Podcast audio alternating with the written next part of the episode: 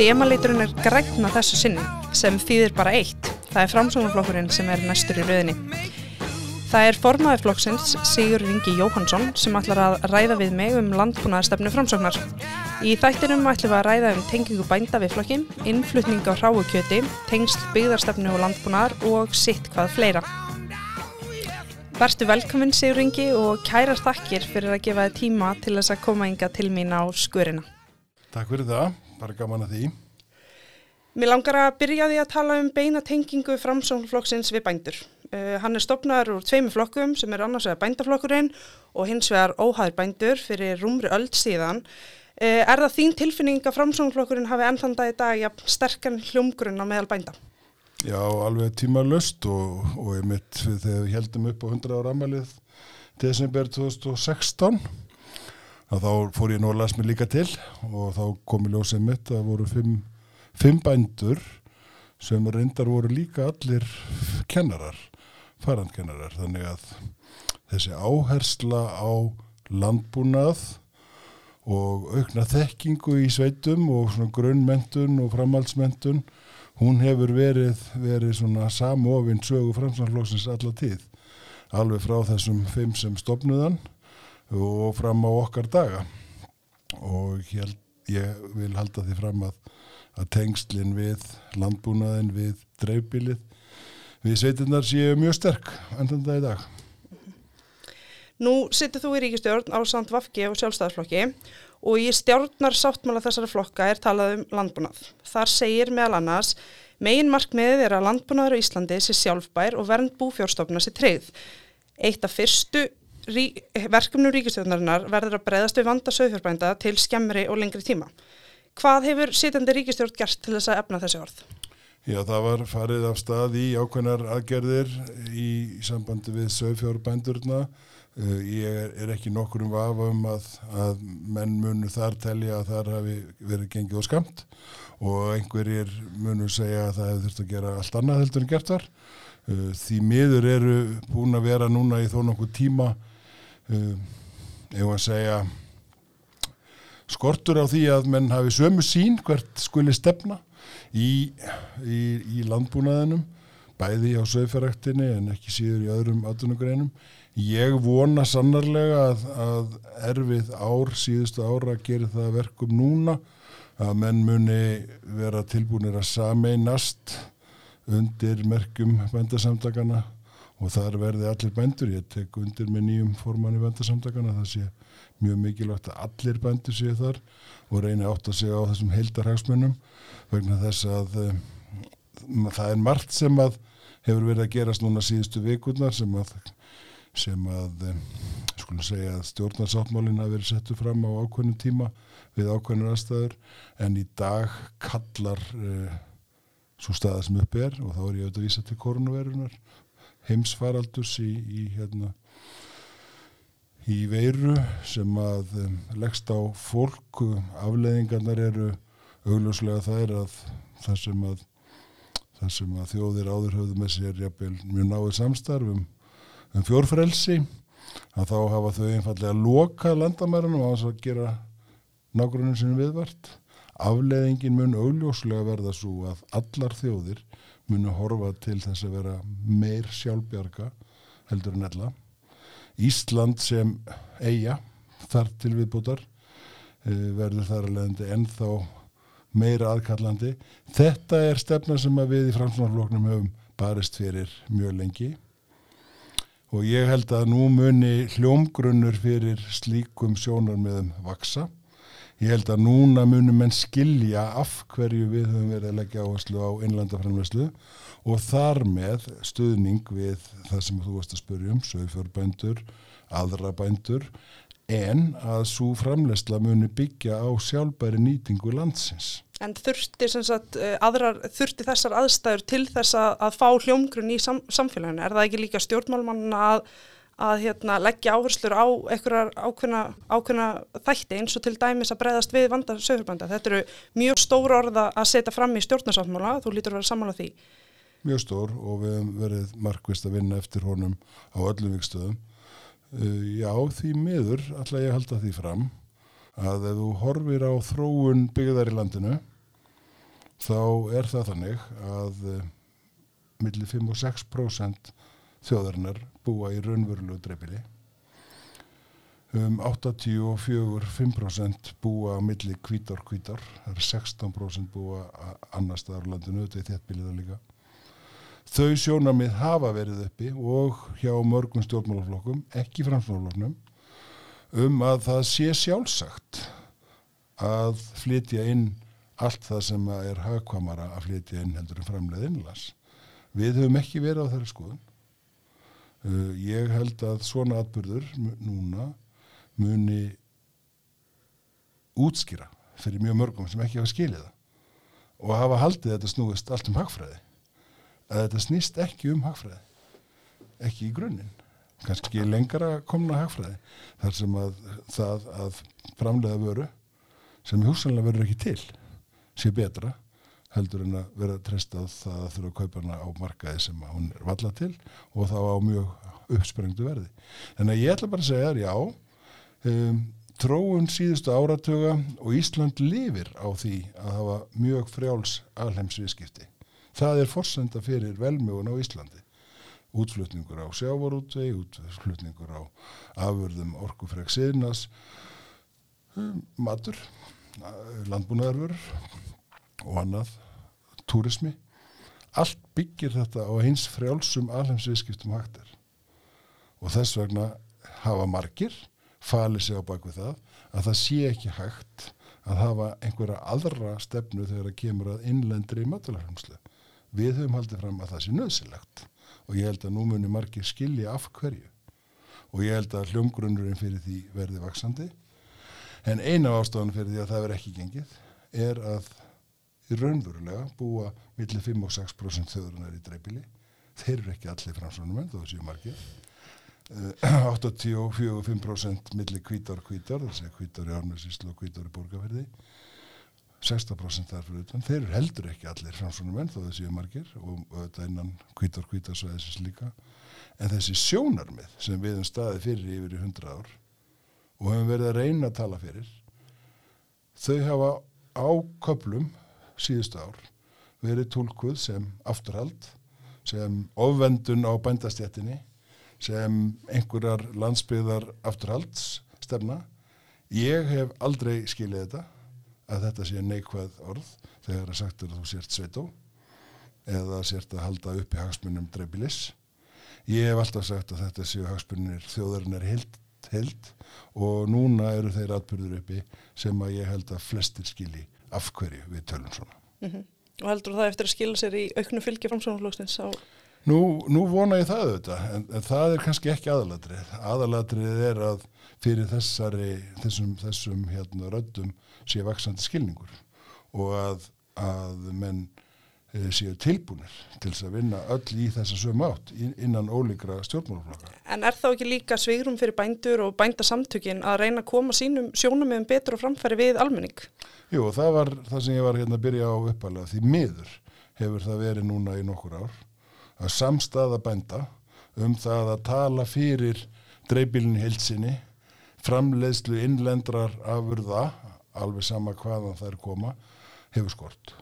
Menn hafa ekki alveg haft samilega sín ekki innan sömu greina einu sinni á því hvort og hvert skuli stefna. Mm -hmm. En ég vona að, að hérna, menn muni allir saminast í þá átt. Mm -hmm. Í einni af álöftun framsónaflokksins segir uh, draga þarf enn frekar fram sérstu íslenskar framlegslu og umhverfislega þýðingu þess að nýta betur innlend aðföng eftir því sem hægt er. Uh, getur þú nefnt mér eitthvað dæmi um það hvernig við getum nýtt betur innlend aðföng í landbúnæði?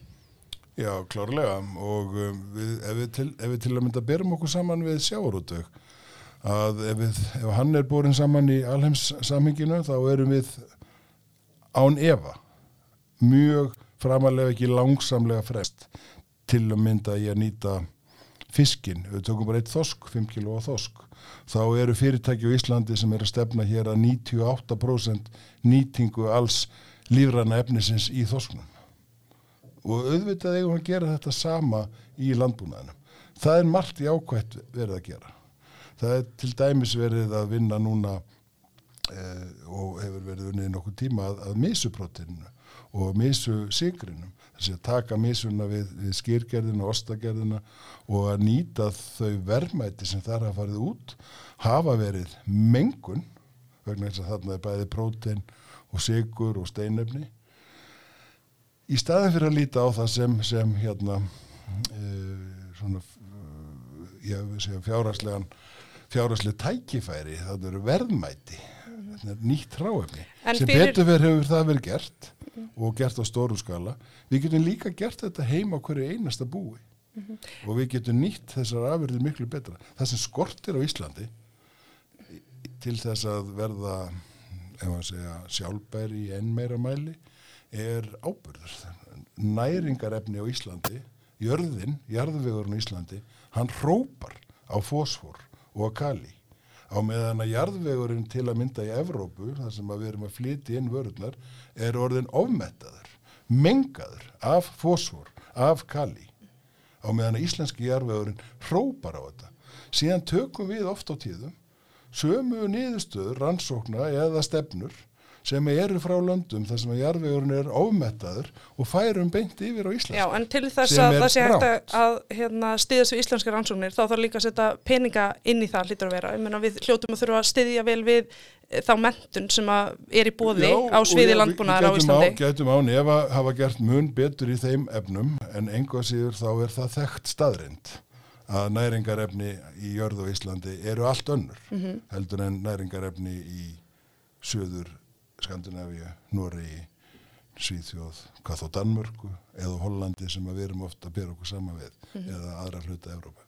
Og þess vegna er hrópað á næringarefni hjá Íslandi. Þess vegna þurfum við að gera allt sem við mögulega getum til að búa til lífrænan áburð á Íslandi. Þannig að það er kannski svona- Endur nota til að mynda úr, úr, úr sjárategi, sló, eða endur nota úr, úr landbúnaði. Það rekustu stundum á svona heilbríðskröfur eins og við þekkjum með kjötmjöl og, riðu og slíkar hluti. Og þar verðum við einfallega að finna leiðir sem eru annars vegar nægilega örugar að við séum ekki breiðut sjúdóma og hins vegar að geta nýtt tækifærin sem þetta gefur okkur. En til, þú talar um misuprótinni og svona, e, það þarf fjármagn til þess að, að komast að nýsköpun. Ég meina bændur hérna, sem að langar til þess að komast að eitthvað nýsköpun heimi á sér eru kannski ekkert í brjálaslega góðri stöðu til þess með að við hvernig afröðverð er og, og annað. Ég meina, þú veist, er hægt að ætlast til þess að bændur séu einhvern veginn tilbúinir að stíga upp og vera frjóir og sniður og fjárfesta þegar að afkoman er ekki betur en þetta? Uh, Það er, held ég, ekki bara hægt að ætlast til þess, ég held að það sé algjörlega nöðsynlegt öllum að við hugsum í nýsköpunar átt og, og við eigum ekki eins og vera að líta á það sem einhverja kvöð, heldur á þetta að vera það sem er mest spennandi í lífinu. Um, það getur hins vegar komið að því að þú fáir ekki nægilega stuðning úr kerfinu og þannig er staðan í dag. Við erum með umtalsverðan stuðning á Íslandi við nýsköpun. Hann fer að stæstu leiti í gegnum háskólana. Við erum reyndar með háskóla út á landi líka. Eh, Ég vil hins vegar halda því fram að þessar hefðbundni atvinnugreinar okkar, hvort sem er landbúnaður eða sjávarútugur, hafi ekki fengið næginlega áheyrn inn í háskólasamfélaginu og ég held reyndar að fyrirtækin okkar, og þá er ég ekki að tala um einstaka bændur, vegna þess að það eru auðvitað lítið fyrirtæki. Ég er þá frekar að tala um aförðastöðvar í landbúnaði en frekar í sjávarútvegi hafi ekki næjanlega verið að horfa á nýsköpun og sækja fjármagn, koma með fjármagn og íta undir þær hugmyndi sem þær eru. Lífhagkerfi sem að við erum búin að vera að vinna að Ég ætla að sé ekki síðan 2014 sem var Norrænt samstarra sem vorum í formensku þar sem við settum slikt verkefni á, á legginnar svona í eitt ár í, sem að hérna gekk reyndar í þrjú ár síðan hefur þetta, hefur þetta verkefni lifa sjálfstæði lifi.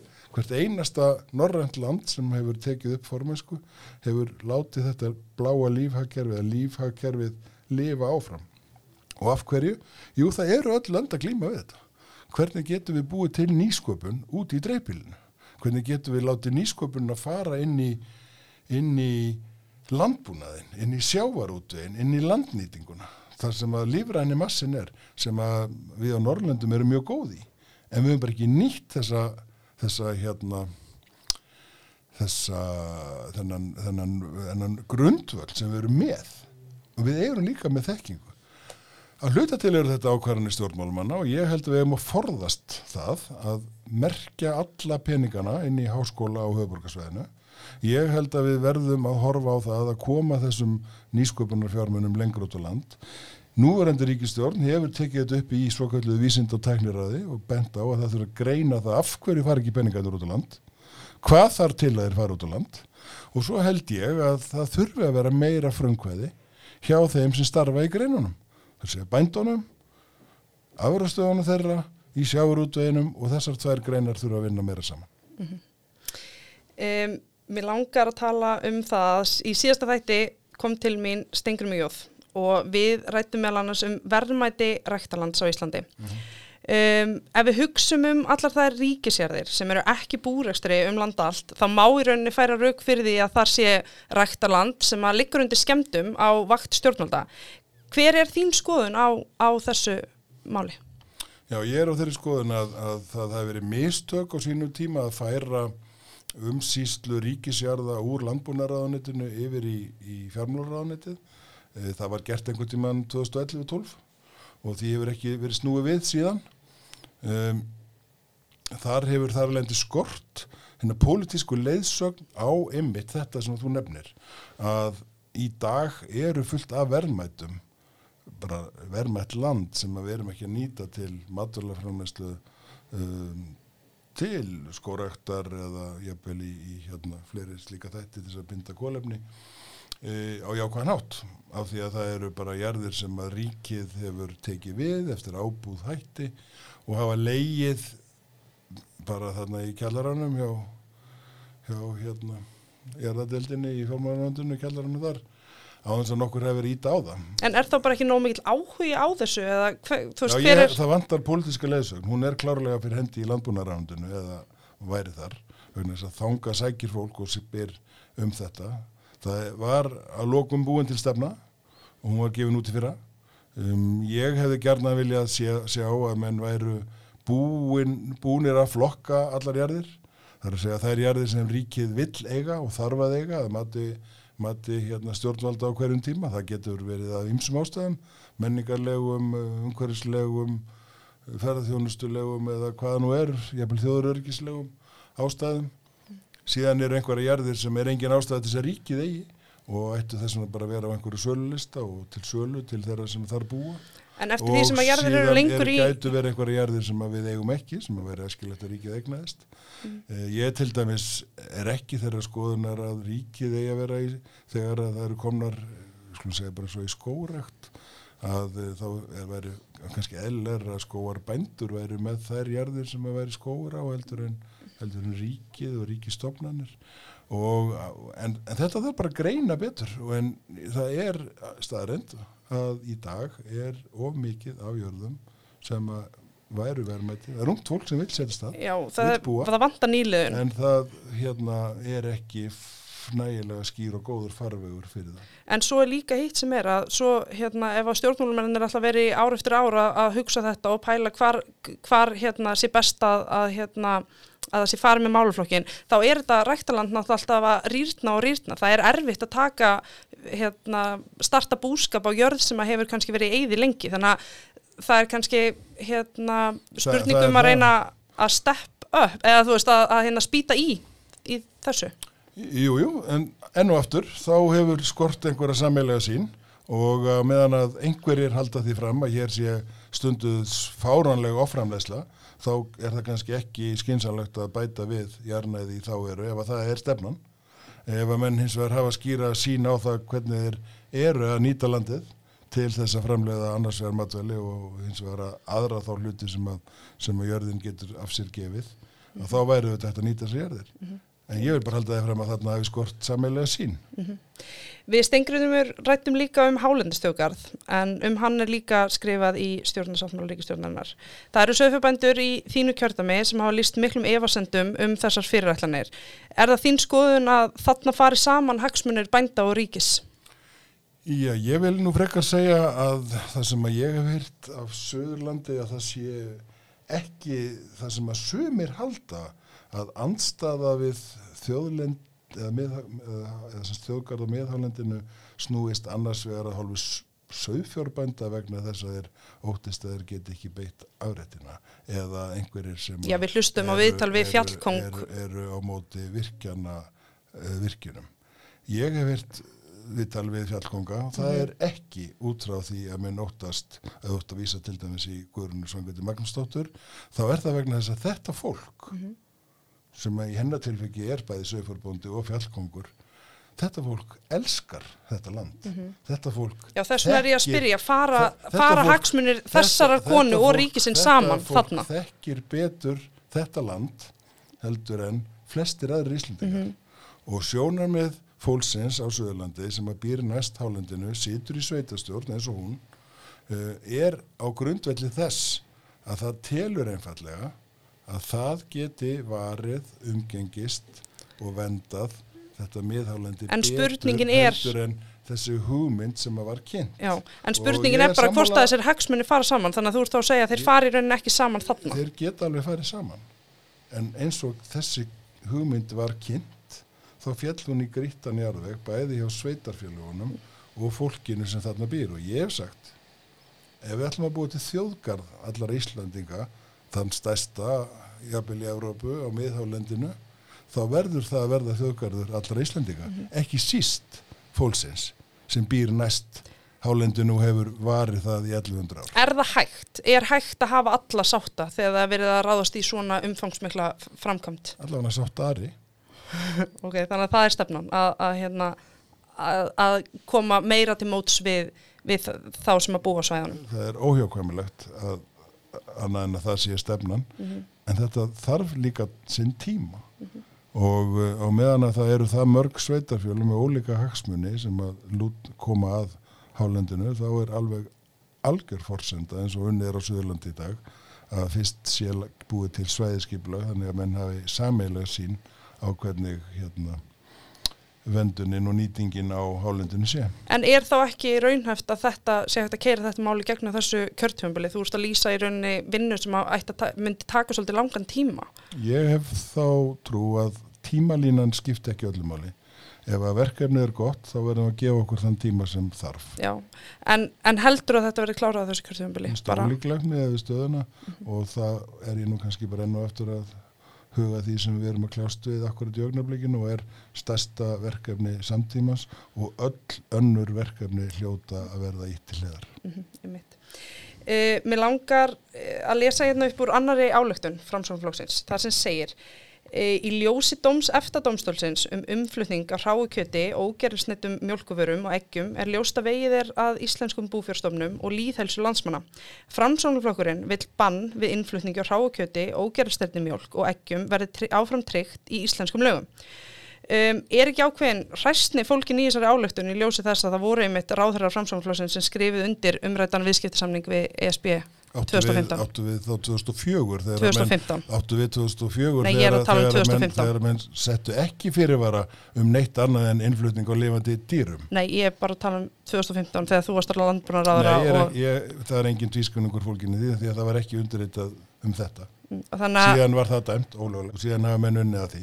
og, En frá því að menn gerðu samningin uppalega, ef menn ætlið að koma í veg fyrir innflutning á einmitt ráukjöti og ráumækjum, þá hefðu menn þurft að setja það í samningin á sínum tíma. Það var ekki gert. Það var bara settur fyrirværi um innflutning á lifandi dýrum og engu öðru.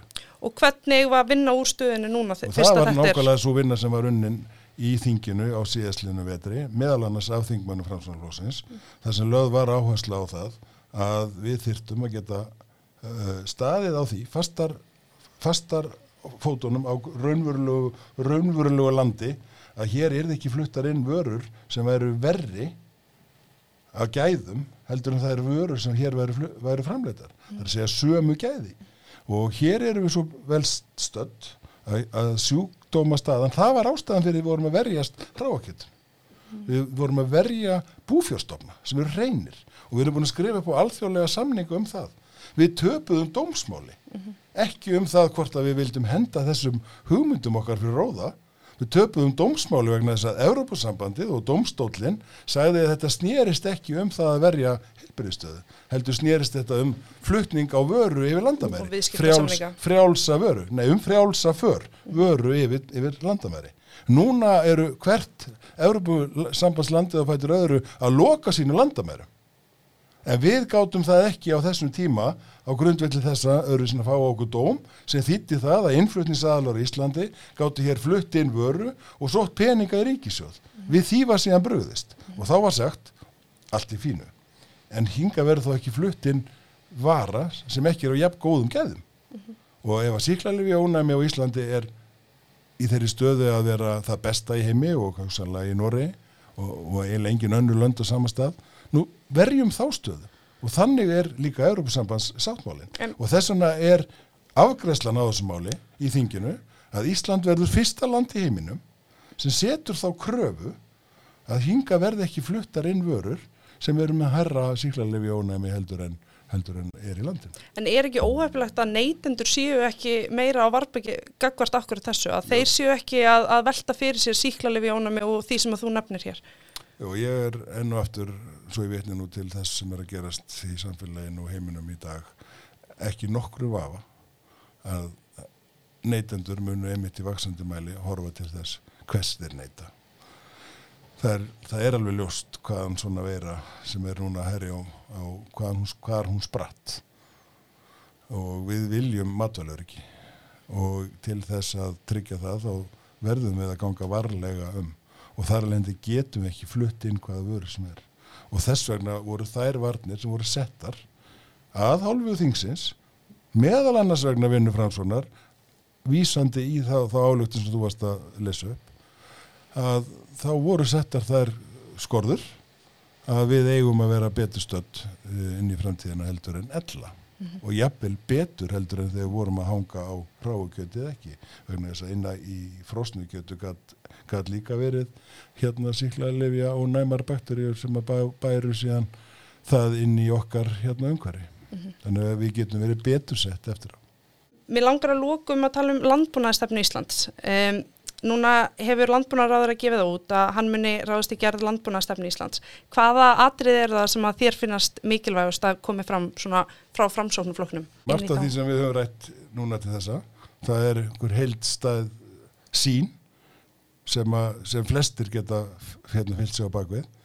Eh, Við í þessar ríkistjórn erum ekki bara landbúnaðaráðurinn að vinna landbúnaðastefnu, heldur erum við uh, meðal annars af þeim áherslum sem framsvonlokkur stendur fyrir að vinna að heildstæðri matvælastefnu sem er þó unnin af uh, undir stjórn forstisöðra þar sem að landbúnaðastefnan er einn hluti, líðhelsan annar, byggðamál þriði, umhverfismál fjörði, nýsköpun fymti og et cetera, et cetera. Það eru sex ráðarar sem eru aðlar að þessari matvælastefnu og hún mun skipta miklu máli.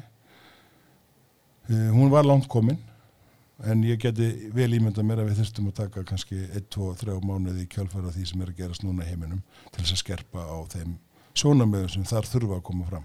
Mm Þannig það er í rauninni bara það að þetta spili allt saman sem að þér finnst skipta mestu máli í Algjörlega, gerð þessara stefnu. algjörlega. Frábært.